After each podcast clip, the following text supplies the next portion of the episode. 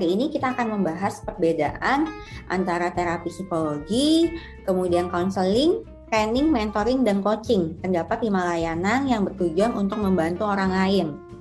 Walaupun tujuannya sama nih, membantu orang lain gitu ya, tapi kalau kita telah lebih lanjut, terdapat perbedaan di antara kelimanya, yaitu dalam hal cara atau pendekatan yang digunakan, permasalahan yang dihadapi, dan tujuan yang ingin dicapai.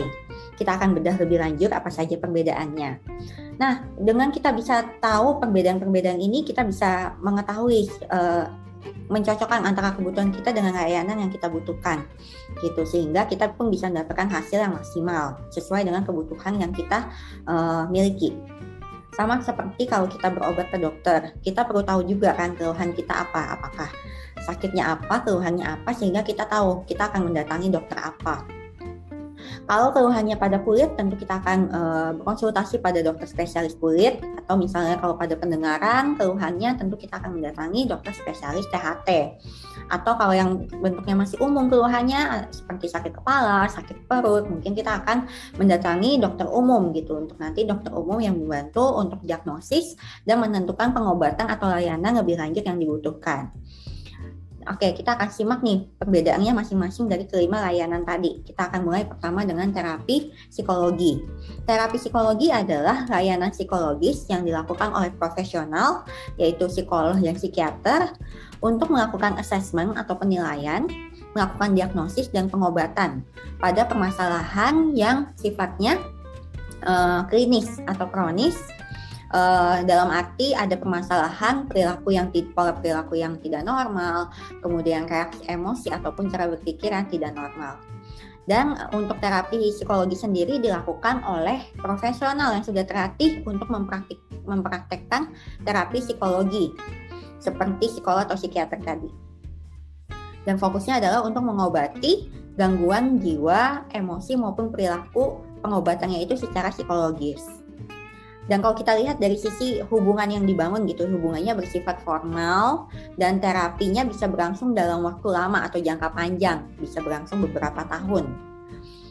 Kalau kita lihat lagi pada fokusnya, fokusnya terapi psikologi, fokusnya pada penyembuhan. Jadi ada uh, ketidaknormalan atau ada permasalahan dan ingin dan tujuannya adalah fokusnya untuk menyembuhkan, penyembuhan.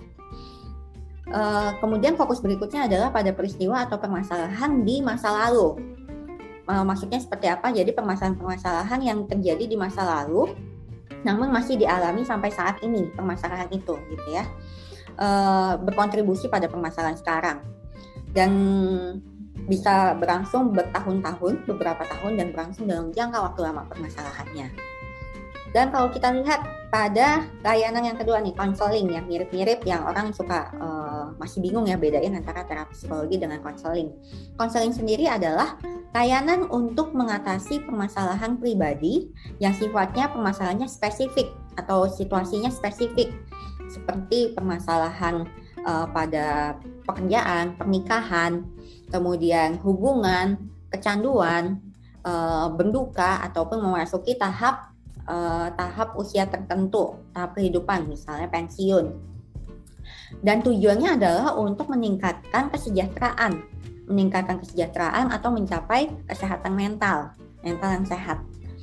Dan konseling ini dilakukan oleh seseorang yang kreatif dalam konseling. Uh, Jadi yang dibutuhkan adalah keterampilan dalam hal konseling. Sehingga keterampilan yang dibutuhkan oleh seorang konselor tidak perlu sedalam yang dibutuhkan oleh uh, terapi psikologi. Dan kalau kita lihat secara hubungannya sama nih, sama-sama hubungannya formal. Tapi kalau dalam jangka waktu hubungannya, jangka waktunya lebih pendek, yaitu hanya dalam waktu beberapa minggu sampai dengan enam bulan. Jadi maksudnya sesi sesi konselingnya tidak sampai bertahun-tahun gitu ya, tapi cukup sampai beberapa minggu sampai enam bulan saja maksimal.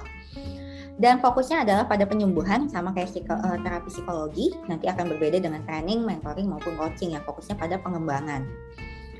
Terus fokus berikutnya adalah konseling sendiri fokusnya pada peristiwa atau permasalahan di masa lalu sama kayak terapi psikologi, hanya saja berbedanya permasalahan di masa lalu yang dimaksud adalah permasalahan-permasalahan yang spesifik kayak tadi dijelaskan di awal yaitu permasalahan sudah spesifik yaitu permasalahan kecanduan, pernikahan atau permasalahan pada pekerjaan, pendidikan gitu ya.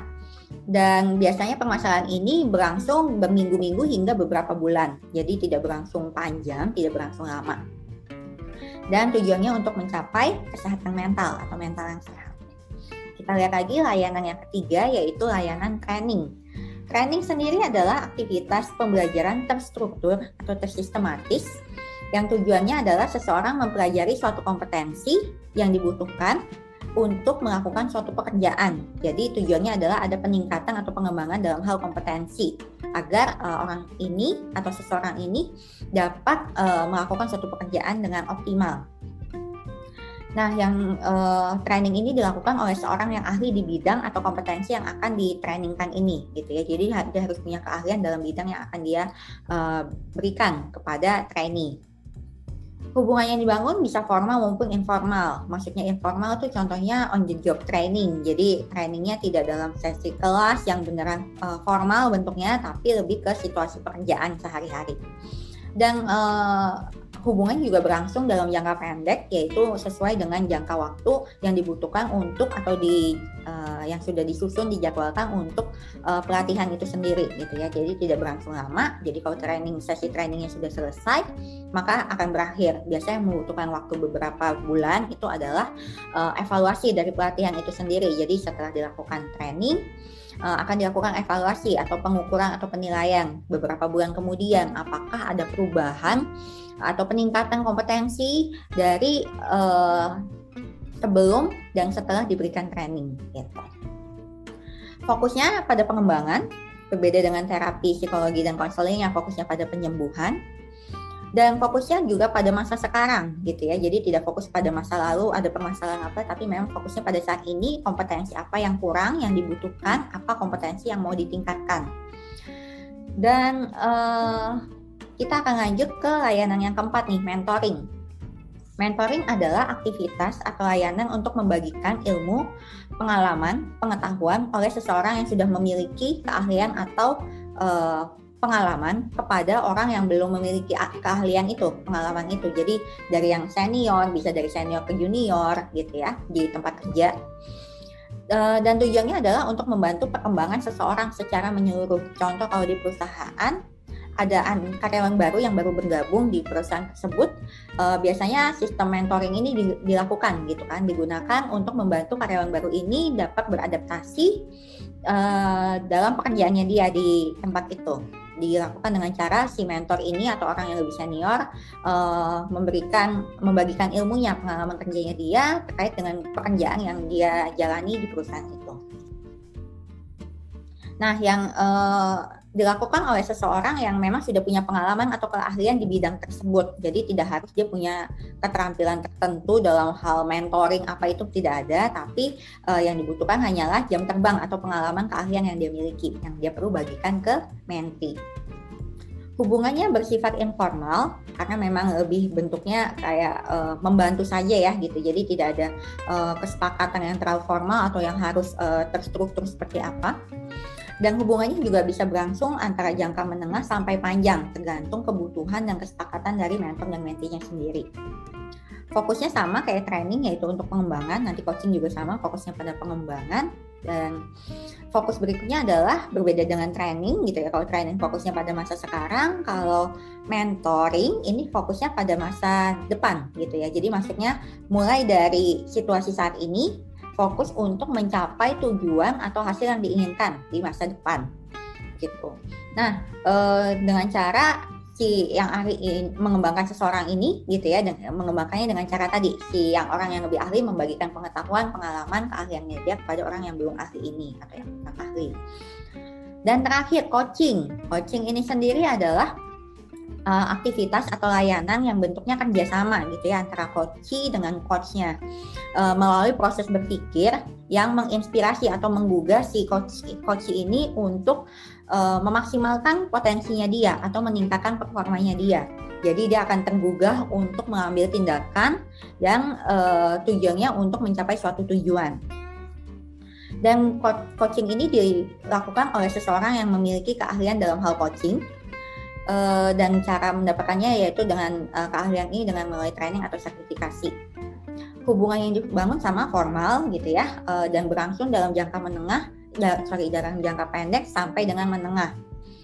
Dan fokusnya sama sama sama dengan pengembangan.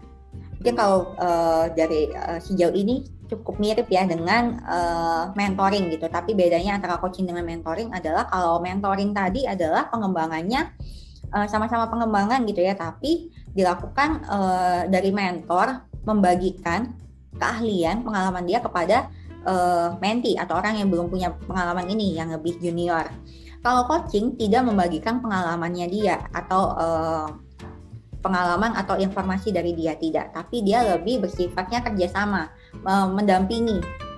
Jadi membantu si coach ini, coach ini untuk berpikir uh, melalui uh, proses bertanya yang membuat coach, ini berpikir sehingga dia uh, memunculkan keinginan kesadaran baru dari diri dia. Sehingga dia punya keinginan untuk uh, bertindak atau melakukan perubahan.